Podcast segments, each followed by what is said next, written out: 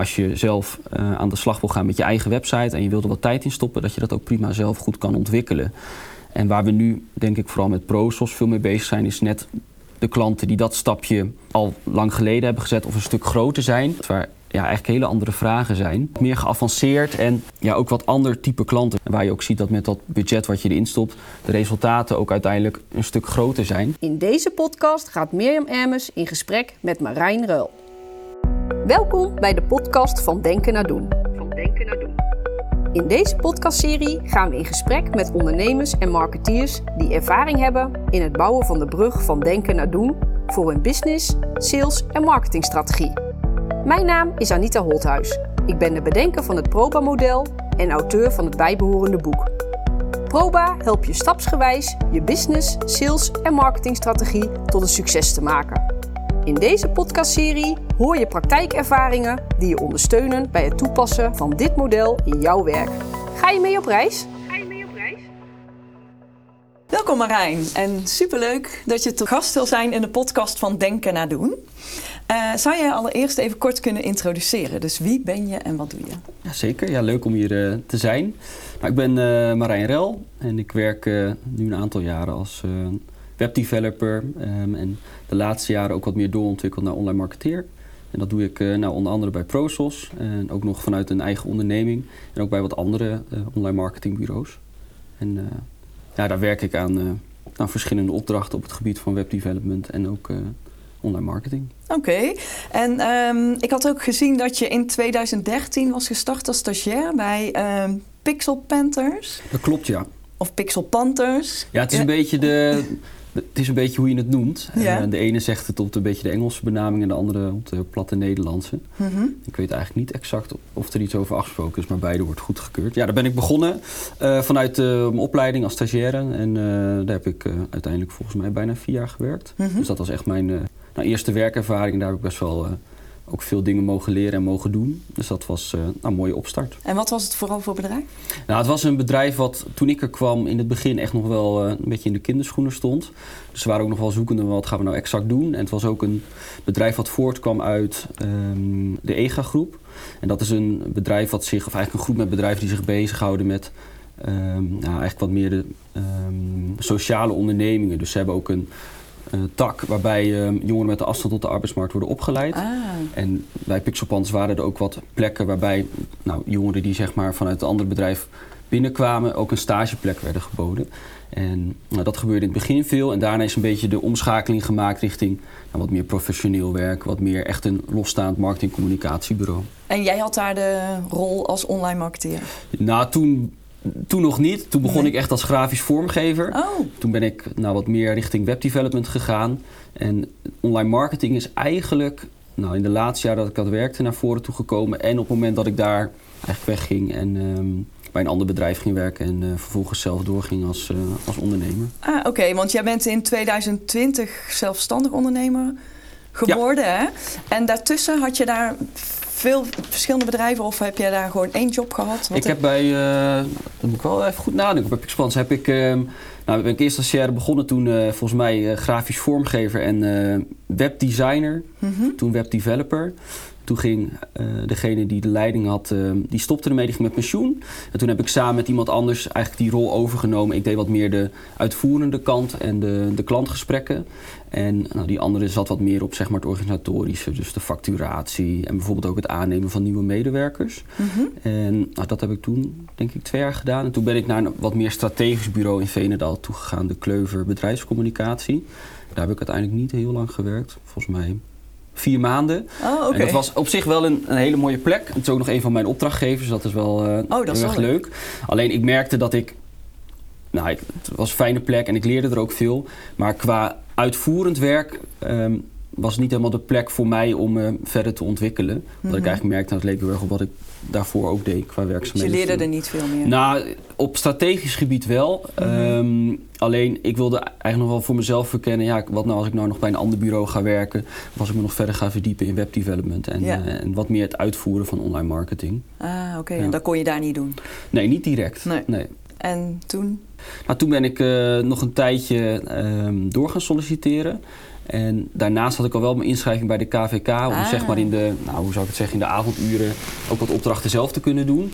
Alleen ik merkte dat toen ik gestopt was met werken bij uh, de Kleuver uh, en ik aan het doorsolliciteren, was dat ook wel de vragen wat meer vanuit mijn opdrachtgevers kwamen van ja, nu heb je ook wat meer tijd en zou je niet ook wat meer voor ons willen doen? Oh. Dus toen uh, nou, heb ik het solliciteren nog wel een aantal keren gedaan. Maar kwam ik eigenlijk een beetje tot de conclusie. Ik dacht, nou, dat, dat ondernemen, dat uh, kan ik eigenlijk ook wel proberen. En ik had qua basis, um, ik woonde toen nog thuis. Dus ik had ook in dat opzicht niet heel veel te verliezen. Uh, eigenlijk alleen maar dat het misschien niet helemaal goed kon gaan of niet zou bevallen. Dus toen ben ik daarmee begonnen. En um, ben ik al vrij snel uh, in Apeldoorn gaan werken op een verzamel, uh, verzamelplek met andere ondernemers. Ook veel dat, creatieve mensen. Ja, en dat heeft me best wel veel gebracht. Ook qua samenwerking en ook in het begin wat opdrachten. Mm -hmm. Dus uh, toen kreeg ik wel een uh, leuke boost in het begin qua opdrachten waarmee ik kon starten. En um, heb ik dat toch maar doorgezet. Ja, en nu ja. ben je conceptontwikkelaar, webdesigner. Ja, ondertussen ben ik wel heel veel, zeg ja. maar. Ja, dat is, uh, nou, ik moet wel zeggen, in de baas, als je zeg maar gaat kijken naar een, een week die ik werk, dan um, is het voornamelijk online marketing, uh, webdevelopment, en ook wel een stukje webdesign, maar dat is wel de, de ja, daar gaat de meeste tijd in zitten. En de andere dingen, uh, dus conceptontwikkelaar, ja, dat is meer als er iets moois voorbij komt. Ja, um, precies. Dus dat is niet waarmee ik mijn week uh, zeg maar volledig vul. En voor ProSos, wat doe je voor ProSos? Uh, nou, eigenlijk veel werkzaamheden die op het gebied van online marketing zitten en op het gebied van webdevelopment, webdesign niet zozeer, maar echt wel het stuk online marketing en ehm, en webdevelopment. En ja. webdevelopment is dan voor mij, ik ben niet zo goed Ja, in die term, is meer de technische kant. Ja, van, meer de technische kant. Ja, ja. ja. dus echt wel het, eh, het coderen, eh, maar bijvoorbeeld ook het eh, draaiend houden van al bestaande websites of bestaande websites doorontwikkelen. Dan moet je denken aan bijvoorbeeld een nieuwe pagina die gemaakt moet worden of een nieuwe functie. Oké. Een nieuwe functie kan dan bijvoorbeeld een, een nieuwe aanmeldformulier zijn wat ontwikkeld moet worden. En heb je dan ook contact met de klanten? Of, Ja, ja, ja, heel, ja, best wel veel. Eh, soms is het ook wel eh, dat er nog iemand tussen zit. Dus dat wij weer, of, nou, hoe kan ik dat goed uitleggen? Dat het bijvoorbeeld niet direct helemaal de opdrachtgever is, maar bijvoorbeeld iemand die werkzaam is bij het bedrijf waarvoor we werken. Dus ja, ook wel ja, veel contact met klanten. Ja. En als je dan kijkt, hè, zo in die jaren dat je eigenlijk aan het werken bent in het vakgebied, wat zijn dan de belangrijkste ontwikkelingen die je ziet? Ja, het, het was ook een vraag die ik natuurlijk ook had gekregen als voorbereiding. Toen ben ik er zo even over na gaan denken. Want ik had, in het begin eh, ben ik me eens gaan ontleden van wat zijn nou die ontwikkelingen. Alleen het grappige is, wel, ik ben natuurlijk nog niet zo heel erg oud. En bij mij is een stuk verandering ook wel gewoon mijn eigen ontwikkeling en de dingen die ik anders ben gaan doen of werkzaamheden die erbij zijn gekomen of nieuwe technieken die ik ben gaan beheersen. Als ik dat even los ervan zie, ehm, dus ik kijk gewoon puur naar de ontwikkeling in het vakgebied, dan verschilt het ook weer welk vakgebied ik dan bekijk. Maar als ik zeg maar naar webdevelopment kijk, nou je hebt natuurlijk hetgene waar wij veel in ontwikkelen, dat is WordPress als een systeem. Nou je merkt wel daarin dat ehm, er steeds meer in de basis wel goed geregeld is. Dus als je gaat kijken naar een website, vroeger was het zo, je had niks.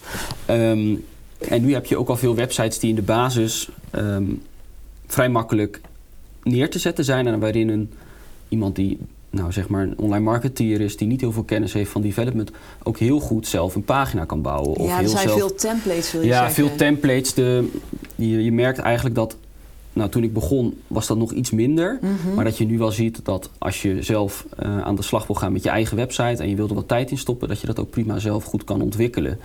En waar we nu, denk ik, vooral met ProSos veel mee bezig zijn, is net de klanten die dat stapje al lang geleden hebben gezet of een stuk groter zijn. Ja, en, En- nu meer op maat. weer. Ja, veel meer op maat. Dus als je gaat kijken naar de ontwikkelingen voor mijzelf, dan zit het voornamelijk in dat ik in het begin heel erg bezig was met dat soort kleine basiswebsites neerzetten. En dat ik nu veel meer zit op grotere websites waar ja, eigenlijk hele andere vragen zijn. Mhm. Die moeten worden uitgebouwd. Ehm, en meer geavanceerd. ja, wat meer geavanceerd en ehm, ja, ook wat ander type klanten. Weer, weer wat grotere bedrijven ehm, die ook meer budget hebben. Die er ook meer eh, budget voor over hebben om het zeg maar goed neer te zetten. En waar je ook ziet dat met dat budget wat je erin stopt, de resultaten ook uiteindelijk een stuk groter zijn.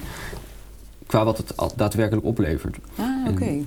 Dus je wil zeggen van, in het begin maakte je eigenlijk een website van scratch af aan voor wat kleinere klanten. En nu ga je wat grotere websites bouwen, wat moeilijkere websites bouwen, ook voor de grotere klanten. Ja, en vaak is dan ook de vraag wat complexer. Dus dan is het meer dat het bijvoorbeeld een koppeling is tussen bepaalde systemen die ook moet worden meegenomen. Ja. Of er moeten veel verschillende mensen in kunnen werken. Dus je hebt ehm, eigenlijk ja, wat andere vereisten. Waar je kijkt dan eigenlijk alleen maar, nou we hebben een website nodig die moet leads genereren en, dat- en dat is hem zeg maar. Oké, Dus vaak- en vind je dat ook een, een leuke ontwikkeling voor jezelf? Ja Of voor, me, ja, voor mezelf wel. Ja, ik vind het. ehm, ook als ik zeg maar kijk, vroeger werd ik heel erg gelukkig als ik een, op de knop van lanceren drukte en er stond een nieuwe website online. En ik merk nu erg dat ik het veel leuker vind om ook een website of een platform of een applicatie op te leveren. Waarvan ik denk, ja, die gaat ook in de toekomst ervoor zorgen dat mensen hun werk bijvoorbeeld makkelijker kunnen doen. Of dat aanmeldingen makkelijker binnenkomen. En ik merk dat ik dat veel leuker vind. En ook het, het stukje daarna, dus op het moment dat die dan staat en we mogen aan de slag met eh, ook ervoor zorgen dat er nou nieuwe mensen opkomen, dat de aanmeldingen bijvoorbeeld binnenkomen. Dat stuk vind ik ook heel erg leuk om te doen. Dus om uiteindelijk met hetgene wat je hebt gebouwd, dan ook die vervolgstap te kunnen zetten. Om het ook daadwerkelijk, ja, hoe zou ik het zeggen, aan het werk te, te laten zijn. En het, eh, ook hetgene te laten opleveren voor je het hebt gebouwd. En wanneer is het dan voor jou succesvol? Nou, dat is natuurlijk wel een, een lastige. Eh, nou, in het begin denk ik vaak dat ehm, als je het oplevert en je ziet dat in de periode daarna dat het dan eh, de verwachtingen zeg maar waarmaakt. Dus dat er daadwerkelijk aanmeldingen komen of dat er leads binnenkomen. Dan dat is altijd het moment dat je denkt van nou, hetgene wat we hebben gemaakt, dat werkt ook. Dat laat zichzelf ook zeg maar zien ehm, in hetgene waarvoor het gemaakt is. Dus dat er daadwerkelijk aanmeldingen binnenkomen of leads of, of iets anders zeg maar als het doel anders is. En daarna denk ik ook dat het dan gaat zitten in als het echt een lange traject is. Dus je bent echt langer bezig, dus ook bijvoorbeeld meerdere jaren, dat je dan gaat zien, oké, we gaan bijvoorbeeld organisch groeien. Dus we zorgen er ook voor dat de hoeveelheid aanvragen die binnenkomen, dat die ook op de langere termijn groter worden als dat zeg maar past bij de behoeften van het bedrijf. En ik denk dat dat ook wel iets is wat ik nu op dit moment heel erg leuk vind om te doen. En als je een, eh, een vraag van een klant krijgt, hè, ehm, krijg je eigenlijk dan een concrete vraag? Of eh, hoe moet ik dat zien? Of krijg je een soort probleem waar jij een oplossing voor moet bedenken? Ja, ik denk dat dat per klant verschilt. Hangt denk ik ook een beetje van het niveau af van de persoon en ook de expertise van de persoon waarmee je contact hebt. Maar vaak zie je dat het heel ver uit elkaar ligt. Dus vaak krijg je een, denk meer een probleem of een, iets wat op dit moment niet goed werkt. Ehm, wat zij zo zeg maar zien of wat zij ervaren. Ehm, en het is niet zo dat je krijgt, nou dit moet ge- aangepast worden. Doe Nee, dat maar precies. even. Nee, het is echt vaak wel iets meer wat wat vager is, wat wat, ja, wat minder duidelijk is. En die vertaling moet nog wel gedaan worden naar, nou, wat zou daar een goede oplossing voor zijn? Of hoe kunnen we dat eh, tackelen? Mhm. En als je dan eh, eh, ook kijkt, hè, want je hebt zeg maar ehm, eh, het ProSos model waarbij je kijkt naar de huidige situatie, de doelstellingen, de uitdagingen, nou, tot aan het, eh, de strategie en uitvoering en het meten, zeg maar. Ja. Ehm, waar ligt echt jouw kracht? Nou, je hebt natuurlijk ook, ik had als voorbereiding ook de vraag van ben je een eh, denker of een doener? Ja. En, ehm, nou, ik denk zelf dat ik wel een doener ben, echt in de uitvoer. Dus ik vind het heel erg leuk om gewoon dingen te maken en ehm, te realiseren. En de denker ook wel, alleen ik noemde het zelf in mijn aantekening op wat minder strategisch niveau. Je hebt natuurlijk het model dat begint natuurlijk met een stuk onderzoek, maar dan ook wel echt het plannen maken. En ik denk dat ik daarbij ehm, op strategisch niveau zelf iets minder betrokken ben, maar wel heel goed die doorvertaling kan maken. Dus uiteindelijk van op strategie zit dit, ehm, dit gaan we doen. Oké, hoe gaan we dat dan doorvertalen in uiteindelijk eh, de uitvoer?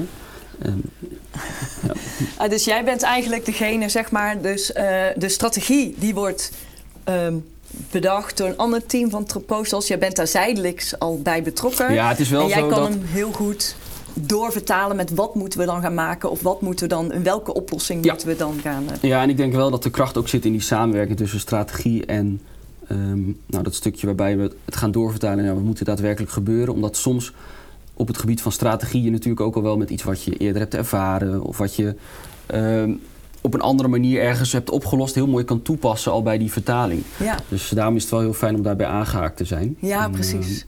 ja. Maar als ik kijk naar wat ik echt heel, waar ik energie van krijg, dan is zeg maar dat stuk strategie, vind ik het heel fijn als ik denk, oké, die strategie, die, daar geloof ik wel in, zeg maar, daar sta ik achter. Alleen het daadwerkelijk neerzetten van die strategie, dus die stap erboven, daarvan denk ik, nou, daar zijn anderen op dit moment beter in. Die kunnen dat denk ik ook goed en eh, op een betere manier met de klant samen doen. Dus als je mij zou vragen, Marijn, wil je het op papier zetten? Zonder dat ik de klant zeg maar, zou moeten vragen of zou moeten meenemen, zou het prima gaan. Eh, alleen als ik denk, nou, ik moet ook die klant enthousiast krijgen en ook bij die klant bijvoorbeeld net een stapje dieper in de uitvraag, dan denk ik dat het kunnen andere mensen veel beter. En dan is bijvoorbeeld Anita daar, denk ik, eh, heel sterk in. in. Ja. En waar word jij dan vooral heel blij van? Nou, ik denk dat stukje meekrijgen. Dus van wat is er gebeurd, dit gaan we doen, dit is het idee. Dat doorvertalen naar daadwerkelijk, dit gaan we doen. Ehm, en dan vervolgens ermee aan de slag. En dan, als het uitgewerkt is, ook de, ja, ik noem het maar even de monitoring en de doorontwikkeling. Dus van hoe gaat het, hoe gaan we doorontwikkelen? Kunnen we bijvoorbeeld over een half jaar weer het volgende stapje maken? Ja. Oké. En ehm, als je dan ook met die opdrachten aan de slag eh, gaat hè, bij uh, bedrijven, uh, wat zie je vaak dat er aanwezig is en wat ontbreekt er vaak bij die. Nou, ik denk dat als je gaat kijken naar de bedrijven waar wij veel voor werken, dan heb je vaak in huis zeg maar wel iemand die een functie heeft in de trant van marketeer of communicatiespecialist. Of het kan ook wel zijn dat het de ondernemer zelf is die dan zeg maar het stukje marketing, communicatie en ook het stukje sales Ehm, zelf oppakt of daar zelf verantwoordelijk voor is. En je merkt dat daar ehm, nou, vaak wel kennis aanwezig is, maar dat de specifieke kennis om het strategisch neer te zetten en te bedenken hoe gaan we er dan komen en het ook wel te borgen, dat die wel. Nou, daar hebben ze wel hulp bij nodig. Ja, dat, en ze vinden het wel heel fijn zeg maar, om erbij betrokken te zijn, want ze willen zelf ook zeg maar, de, een beetje de feeling ermee houden en bedenken: oké, nou, als de keuze moet worden gemaakt, dan wil ik daar zelf ook invloed op hebben. Mhm. Maar om het allemaal goed te laten verlopen en ook om het te borgen en ook om een stuk kennis die ze missen wel toe te kunnen voegen om het resultaat beter te maken. Nou hebben ze wel een andere partner zeg maar nodig en dat zijn wij dan in dat geval. Maar dat, ja, dat mis je een beetje. Ah, Oké, en is dat veranderd in de afgelopen jaren? Of zeg je van dat is eigenlijk altijd zo geweest? Nou, ik denk wel dat het nu, als je het echt als je het hebt over online marketing, kijk, bij development is het denk ik altijd al wel zo geweest. Je kan niet verwachten van iemand die bijvoorbeeld marketeer is, dat hij ook een website kan developen. Uh, als het echt code technisch zeg maar is. Een ik denk dat er nu ook wel veel marketeers zijn die zelf in een template prima een website kunnen opbouwen en het ook mhm. zo kunnen inrichten dat het in de basis goed staat om er ook um, uh, sales mee te genereren. Um, alleen je merkt wel dat ook op het gebied van online marketing, als je echt specifieke tools in gaat zetten, dat als je daar echt het verschil mee wil maken, dat je wel ja, eigenlijk aanvullende kennis nodig hebt om het goed in te kunnen richten en ook om nou, hoe zou ik het zeggen, de verfijning aan te brengen die het verschil maakt. Of die, die ervoor zorgt dat je bijvoorbeeld veel minder per lead gaat betalen. Of als je het over bijvoorbeeld Google Ads hebt, dat je veel minder gaat betalen per, per klik. En als je dat nu inricht je hebt niet de echte specifieke kennis, dan zie je vaak wel dat er wat dingen zijn die dan niet helemaal soepel lopen of waar gewoon uh, geld verloren gaat. Dus je hebt eigenlijk in de strategiefase heb je net die sparringspartner en die het net scherper neerzet. En vervolgens in de uitvoering heb je echt het specialistisch werk om te maken wat, uh, ja, hoe je je doel gaat bereiken. Zeg ja, maar. ja, dat klopt wel. Ja. Dus uh, als ik het een beetje probeer samen te vatten in, uh, in lekentermen. En um, even kijken, we hebben het dan over dat jij echt de kennis hebt op webdesigner en online marketing. ja, en ook het development. En het development. Oh ja, sorry, het webdesign, ik, dat, dat was niet goed voor mij. Maar ik bedoelde webdevelopment inderdaad. Um, dus dat stukje, dat kan jij dan zeg maar toevoegen. Ehm, doe je dat dan ook nog samen met de mensen van het bedrijf? Of maak je iets op afstand? Of hoe, hoe gaat dat, zo'n samenwerking? Oeh, dat is wel, uh, ja, wel een leuke vraag. Maar dat is wel...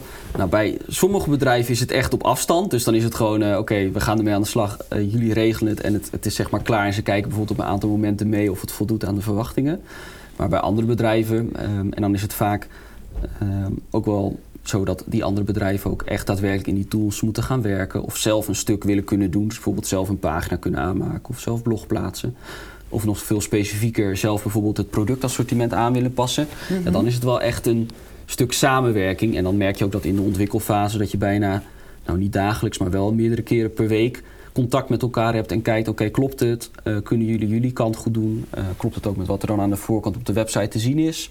En dan, dan is het echt een samenwerking. Ja. En gebeurt er dan ook gaandeweg dat er steeds wensen bijkomen of dat het helemaal afwijkt van wat je van tevoren hebt bedacht? Uh, nou, er komen wel vaak wensen bij. Dat kun je bijna niet voorkomen. Het is dan wel de kunst om dat goed zeg maar, uh, te kaderen en ook ervoor te zorgen, nou, oké, als het echt een wens is die buiten de originele opdracht ligt, dat we daar dan over in gesprek gaan. Mm -hmm. En het gebeurt niet heel vaak dat we echt heel iets anders ontwikkelen dan van tevoren bedacht is. Je merkt wel op um, het gebied van details dat er wel andere dingen in zitten. Dus dat je bijvoorbeeld denkt, oké, we gaan het op deze manier doen.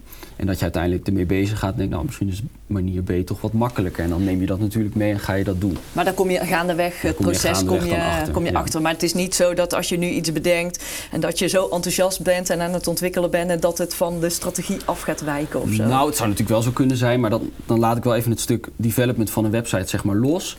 Als je iets gebouwd hebt en je denkt, nou deze pagina, bijvoorbeeld qua structuur, die staat goed. We gaan mee aan de slag met online marketing en we zetten middel A in, bijvoorbeeld Google Ads, en we zetten middel B social eh, ads zetten we in om eh, zeg maar verkeer op die pagina te krijgen. Mhm. Dat je bijvoorbeeld ziet, oké, nou misschien via Google Ads is het niet helemaal het verkeer wat we willen. En die mensen die gaan ook niet over tot een eh, conversie. Dat je wel gaat kijken van, nou wat zouden we dan anders in kunnen zetten? Welke middelen hebben we dan nog meer om eh, mensen op die pagina te krijgen? Dat kan wel. Hm. En dat gebeurt wel vaak, maar dat is wat meer zeg maar gaandeweg het, het vervolgproces als je aan de slag gaat met online marketing. En als je dan die samenwerking hebt hè, met die bedrijven, ehm, met wie heb je dan vooral contact? Wat zijn dat dan voor functies? Ehm, nou, Zit dat op marketing, sales? Ja, marketing, sales. En ehm, nou, als je wat meer kijkt naar het stuk webdevelopment, is het ook wat meer bijvoorbeeld een product owner of een product manager. Dus iemand Vanuit ICT? na meer vanuit, ehm, zeg maar, als je een bedrijf hebt wat bijvoorbeeld producten produceert, Ja. dan heb je vaak ook iemand die verantwoordelijk is voor nou, het stukje productontwikkeling, Oh ja, maar ook ja. het stuk productaanbod goed neerzetten in de markt. En daar hebben we ook al vaak contact mee. Dus dat is eigenlijk iemand die er goed voor zorgt dat de producten inhoudelijk ook op de website bijvoorbeeld goed zichtbaar zijn. Ehm, dus daar hebben we ja, ook wel regelmatig contact mee. Maar los daarvan is het vaak wel iemand die de functie van marketing, communicatie heeft. Of bijvoorbeeld een salesfunctie. En zie je, dat, hoe, eh, zie je ook wel hoe die samenwerking werkt in die bedrijven tussen marketing en sales? Ja, dat, dat zie je wel. Ehm, Ja. En ik denk dat het, ehm, als je wat grotere bedrijven hebt, zie je vaak dat die functies nog gescheiden zijn.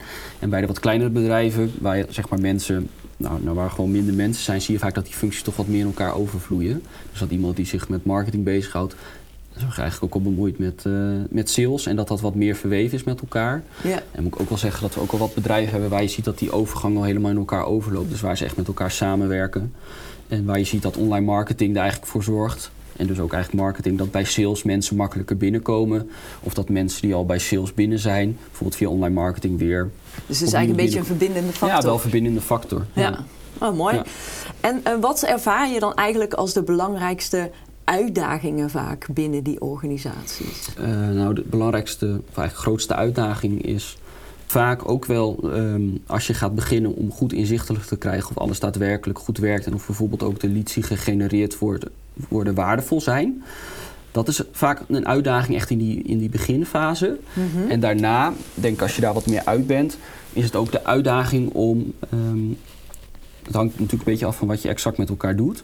Maar het is ook wel de uitdaging om het goed te borgen en er ook voor te zorgen dat je blijft doorontwikkelen. En dat je die eerste stappen die je hebt neergezet op papier, dus eigenlijk die strategie waarmee je begonnen bent, dat je daar eh, nou niet te ver van afwijkt en dat je ook zorgt dat je weer op die manier blijft werken. Vaak zie je dat als je wat langer doorgaat, dat het dan wat meer nou, een beetje verwatert. En dan is het wel de kunst om strak te blijven. Ja, En dan ook moet je op- weer terug. ja, eigenlijk weer terug van goed, nou wake-up call, oké, hoe doen we dat ook alweer? Wat zijn de uitdagingen en de doelen die we nu hebben? Waar willen we naartoe om het zeg maar ook scherp te houden en je door te blijven ontwikkelen? Dus eigenlijk is het zo, want je, hè, je brengt de huidige situatie in kaart. Vervolgens wordt er een strategie opge- opgeschreven. Nou, dan ga je aan de slag. Dan ga je zorgen dat, eh, hè, dat de doelen behaald worden. Ja, En dan is het eigenlijk de bedoeling dat je na een x-periode weer teruggaat van... hebben we het goed gedaan?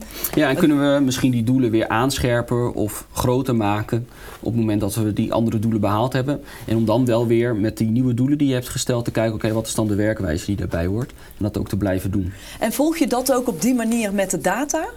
Ja, ja dat is wel.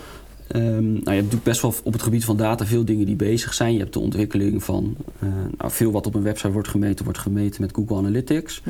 Nou, als je gaat kijken naar eh, mobiel verkeer, dus mobiel wat vanaf een telefoon of verkeer wat vanaf een telefoon binnenkomt, zie je dat steeds meer telefoons nu zo zijn ingesteld die op bepaalde manieren waarmee je kunt meten blokkeren.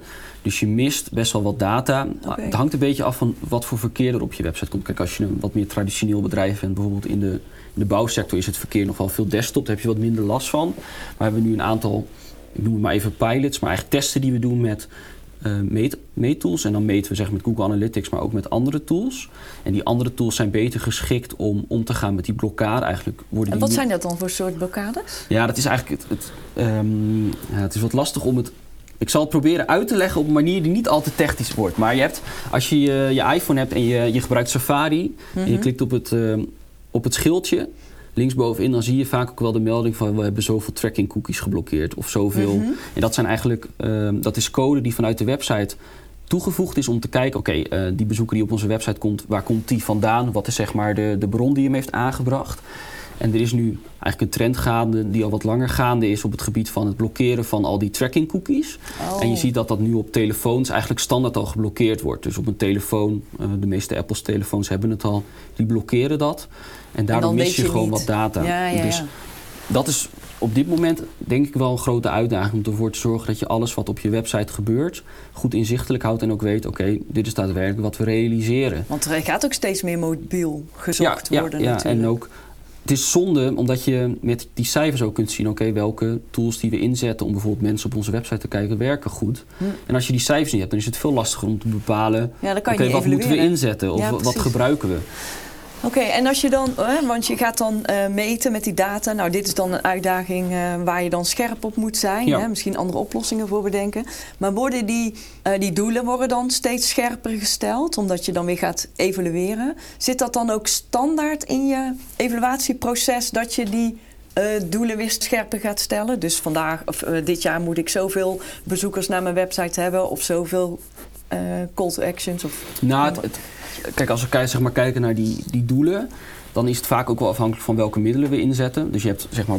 Bovenin heb je natuurlijk wel het doel waarmee de strategie, strategie begint. Maar als je naar online marketing kijkt, stel je gaat met uh, Google Ads aan de slag en het doel is bijvoorbeeld het genereren van inschrijvingen voor bijvoorbeeld een opleiding of een training. Kijk, dan zit het heel erg op het niveau van uh, hoeveel opleidingen of hoeveel trainingen verkopen we daadwerkelijk.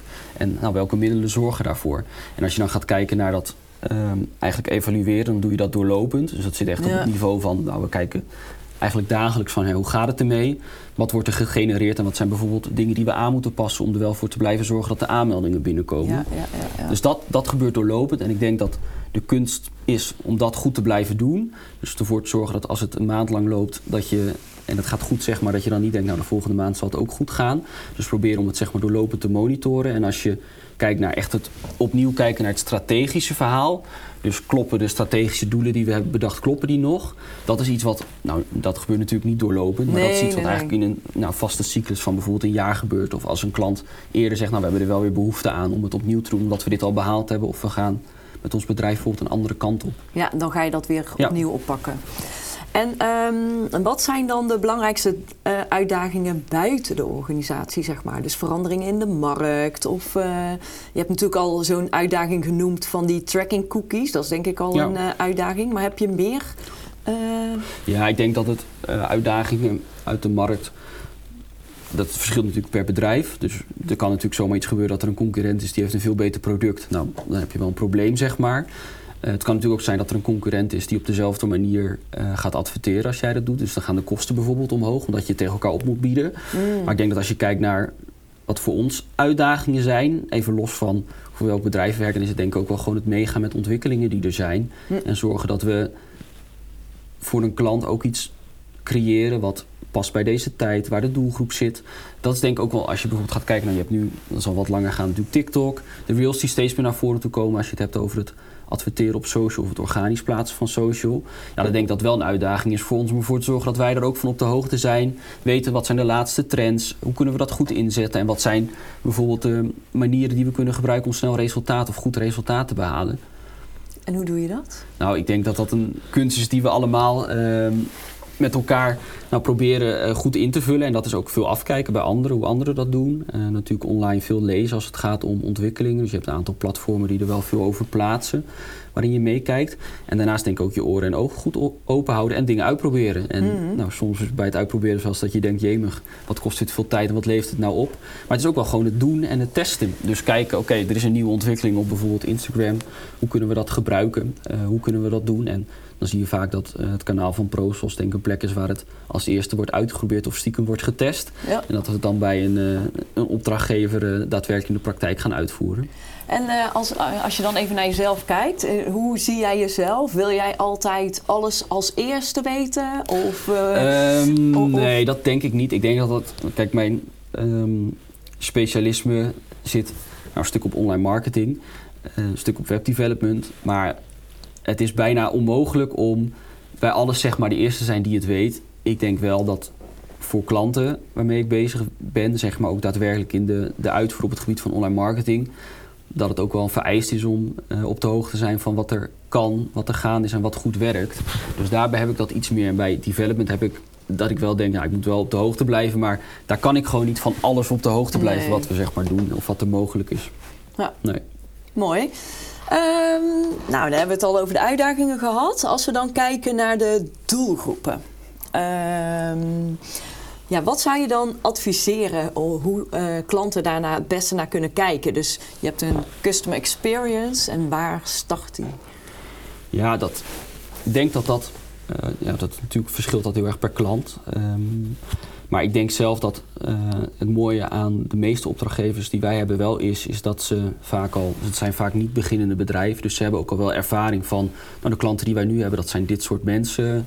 Eh, die komen bijvoorbeeld uit deze branche of die zijn eh, zo oud. Vaak kunnen we door middel van ehm, de klanten die zij nu al hebben, en dan moeten er natuurlijk wel klanten zijn die ze ook graag mensen die erop lijken graag ook nog een keer zouden willen hebben of meer daarvan. Kijk, als het een klant is waar ze nu een hele goede ervaring mee hebben, dan laten we dat wel los. Maar als het een klant is van zegt, nou dat is wel een mooie voorbeeldklant, daar willen we er meer van, dan is het voor ons heel makkelijk om die klant als voorbeeld te gebruiken. Dan ga ik kijken, oké, hoe ziet die klant eruit? Ehm, wat voor verdrag vertoont die klant? Wat voor online kanalen en ook wat voor offline kanalen gebruikt die klant? En waar begint dan ook die reis? En we hebben natuurlijk de reis, eh, als je het hebt over de, de reis die op marketinggebied bezig is, maar ook de reis die bijvoorbeeld gebeurt op het moment dat ze bij eh, een van onze opdrachtgevers daadwerkelijk in contact komen met iemand van sales. En dat verschilt ook wel. En ik denk dat het heel goed werkt om online marketing goed inzichtelijk te hebben. Dus hoe ziet die reis eruit? En ook eh, offline marketing. Hoe, hoe kunnen we daar die klant goed benaderen op verschillende kanalen met een boodschap die goed aanspreekt. Maar ook als die dan daadwerkelijk bij een klant binnenkomt of in contact komt met een opdrachtgever van ons. Hoe kunnen we dan voor zorgen dat ook dat, dat moment zeg maar prettig is en iemand dan ook goed begeleid En kan dan worden. bedoel je echt fysiek binnenkomt? Nee, maar bijvoorbeeld ook contact. Dus stel iemand heeft een formulier ingevuld op een website van... Nou, ik vind jullie product mooi, ehm, ik zou er graag meer over willen weten of eh, interessant. Dat ook dat moment dat iemand dan binnenkomt... Ja. Nou, oké, hoe kunnen we dan voor zorgen dat dat prettig verloopt? Dat iemand bijvoorbeeld een snelle reactie krijgt. Dus dat dat ook goed gaat. En als je, als je dan kijkt hè, naar de klanten waar je het meeste mee werkt, ehm, hebben zij goed in beeld wat hun klant doet, hoe de reis van hun klanten is? Ehm, ja, dat, ja, het is een, beetje een herhaal, maar dat verschilt heel erg per klant. We hebben Ja. klanten van ik denk, ja, jullie weten het hartstikke goed. En daar is ook dat stuk nadat ze zich hebben eh, laten verleiden tot het opnemen van contact heel goed geregeld. Ja. Dan merk je dat dat helemaal geautomatiseerd. Daar zitten mensen op de salesafdeling die ze eh, goed benaderen. Daar hoeven we ons eigenlijk helemaal niet zorgen over te maken. Nadat we dat zeg maar, uit hebben gevraagd en ook ervaren hebben. We hebben ook wel klanten waar, waar je merkt dat dat wat lastiger is. Dus dat.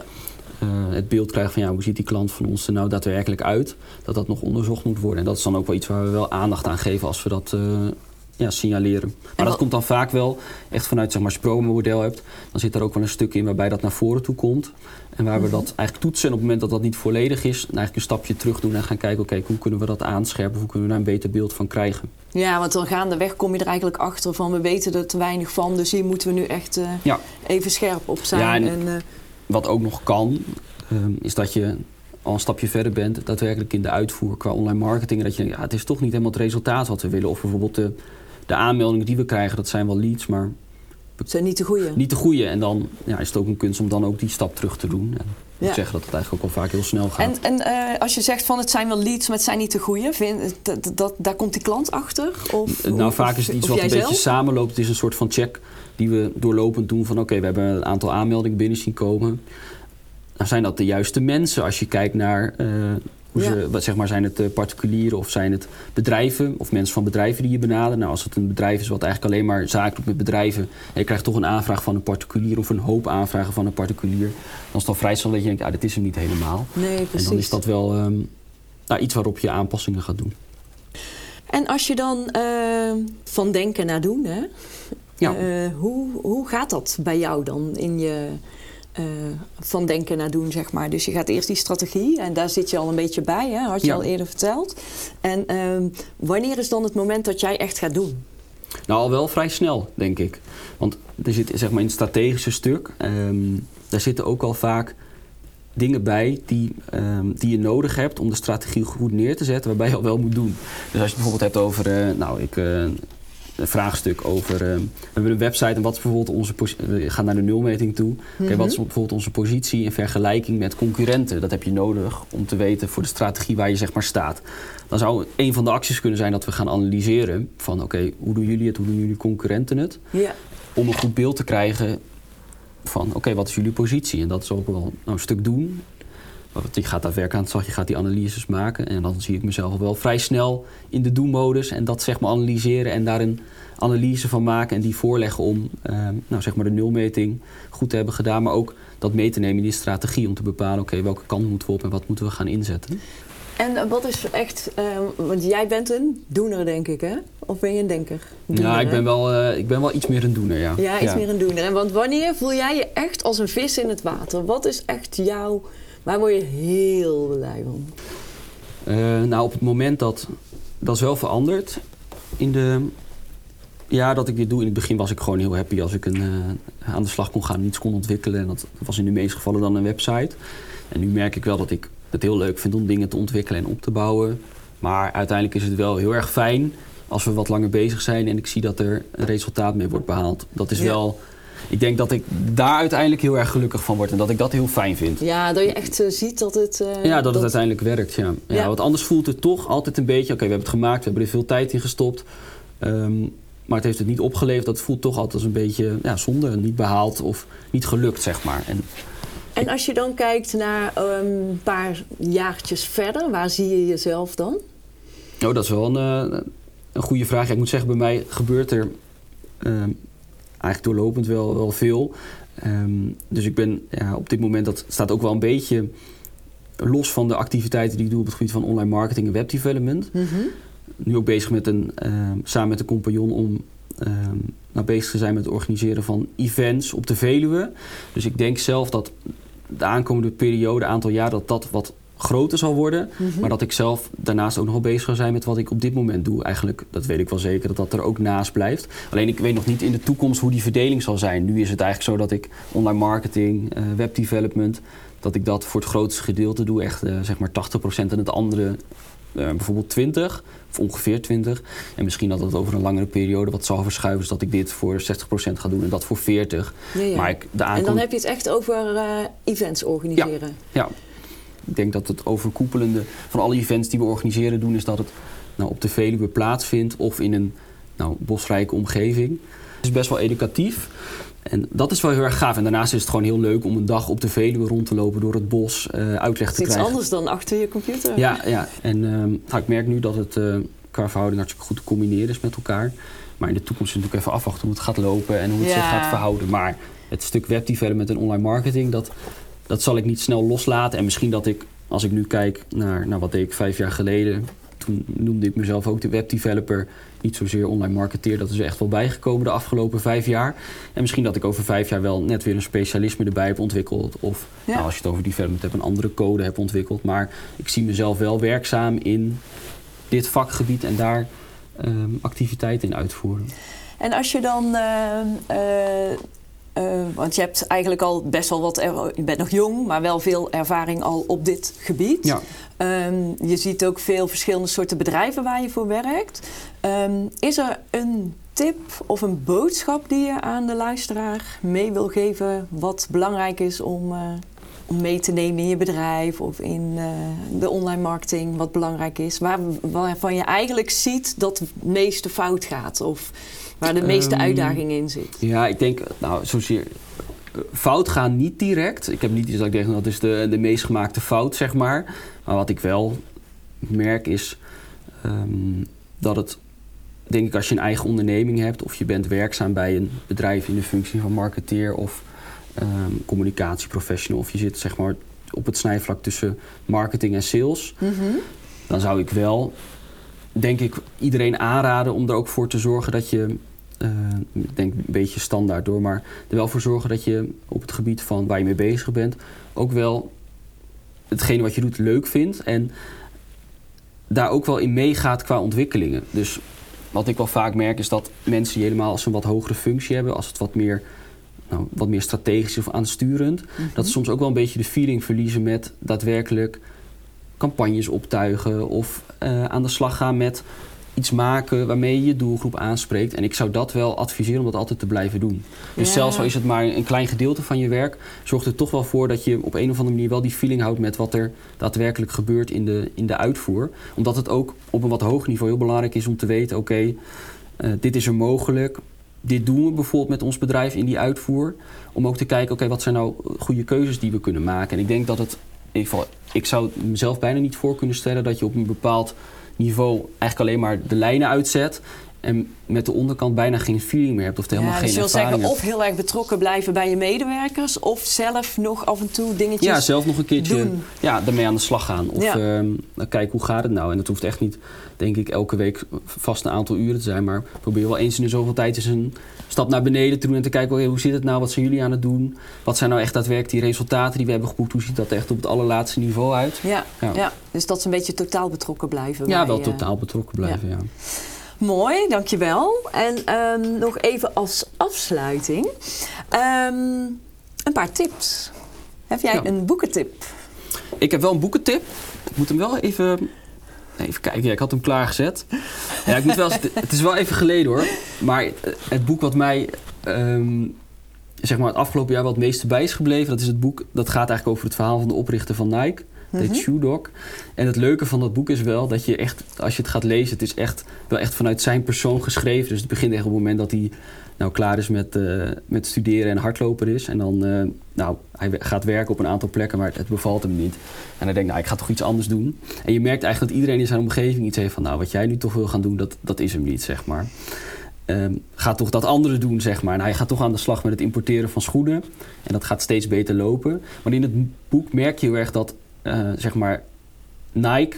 Ik ken het als het grote merk, zeg maar, waar in mijn ogen alles... nou, niet alles zal goed gaan, maar wel veel goed gaan. Mhm. Waar ze echt op een bepaalde manier werkt, die zichzelf bewezen heeft. Maar in dat boek merk je eigenlijk dat in de beginjaren... Nou, het, het is zeg maar... eh, nou, als ik het boek lees, lijkt het net of het allemaal maar net goed gekomen is. Oh, echt waar? En ook heel veel gewoon op goed geluk en gewoon doen, uitvoeren, proberen. Ehm, en dat lees je heel mooi terug in dat boek. En dat vond ik, ik heb het tijdens mijn vakantie gelezen, vond ik wel heel leuk. Dat ik wel dacht van ja, kijk, iedereen begint ergens. En ja. dat lees je daar echt heel mooi En in hoe terug. heet het boek? Shoe Dog. Ja. Oké, nou mooi. En heb je ook een podcast tip? ja, ik heb wel een podcast tip. Of luister je überhaupt podcast? ja, het is officieel volgens mij niet helemaal een podcast. Het is een radioprogramma van BNR. Ja? En eh, je hebt er twee die ik echt heel leuk vind. Je hebt één, dat is de koplopers. Mhm. En eh, ook de top van Nederland. Die vind ik echt leuk. Die zijn dagelijks. En dat, dat zijn zeg maar eh, programma's waarin altijd een directeur of een medewerker van een wat groter bedrijf... of een bedrijf met bijvoorbeeld een heel interessant businessmodel op gesprek komt. Mhm. En dan wordt er zeg maar gevraagd naar ontwikkelingen bij het bedrijf... maar ook ontwikkelingen eh, in de branche. Mhm. Ehm, en ik vind dat gewoon heel leuk om te luisteren. Omdat je... Het zijn allemaal verschillende bedrijven. Allemaal verschillende branches waar ze uitkomen. En, Dat ehm, is ook wel een podcast volgens mij. Ja, ja het is, ik luister hem ook in, eh, in Spotify hoor. Ja, dus, precies. Het zou kunnen zijn Ja, dat het ja. en op de radio is en op, ehm, eh, ook in een, in, een podca echt in een podcastvorm. Maar dat vind ik heel leuk, omdat je... ehm, ik luister hem altijd in de auto. En ik heb altijd wel dat ik denk, ah, ik vind het wel leuk om een beetje op de hoogte te blijven van wat er in de verschillende branches gebeurt. Ja. En je hoort ervaringen van zeg maar, ondernemers of mensen die toch wel op een bepaald strategisch niveau bezig zijn. En dat is gewoon, dat vind ik hartstikke leuk. Ja. ja, mooi. En het is ook, wat ik ook fijn vind, het is niet super lang. Dus het is eh, meestal tussen de 30 en 35 minuten. Dat is mooie lengte. Ja, vind ik wel eh, prettig, ja. Ja. En nog eventueel een vakblad of een magazine? Daar heb ik over nagedacht, maar ik moet heel eerlijk bekennen dat de meeste dingen die ik zeg maar lees of zie voor ontwikkeling, dat het allemaal wel online is. Dus ehm, niet zozeer. Een online... eh, Ja, ik, ik moet eerlijk bekennen, veel eh beetje van die tips die ik lees, die Ja. echt gelijk toepasbaar zijn, doe ik nu wel veel via Instagram. Dus op Instagram heb je Oh. veel, eh, ook wel veel buitenlandse, bijvoorbeeld developers of marketeers, die dan ja, wat tips delen waarvan ik denk, oh, dat is wel een leuk inzicht, of dat ga ik uitproberen. En met development ook wel gewoon uitleg van hoe bepaalde Ah. tools werken. dus je blijft ook via social media op de hoogte. Ja. Ja. Ja. Mooi, dankjewel Ja, graag gedaan. voor jouw eh, openhartigheid en mooie tips. Bedankt voor het luisteren naar de podcast van Denken naar Doen. Denken naar Doen. Herken jij het praktijkverhaal en vind je de informatie waardevol? Mag ik je dan vragen om deze podcast te delen via je social media kanalen en vergeet mij niet te taggen. Heb je interesse naar meer praktijkervaringen of heb je aanvullende vragen? Volg me dan via LinkedIn of Instagram. Wil je zelf aan de slag? Bestel dan mijn boek Proba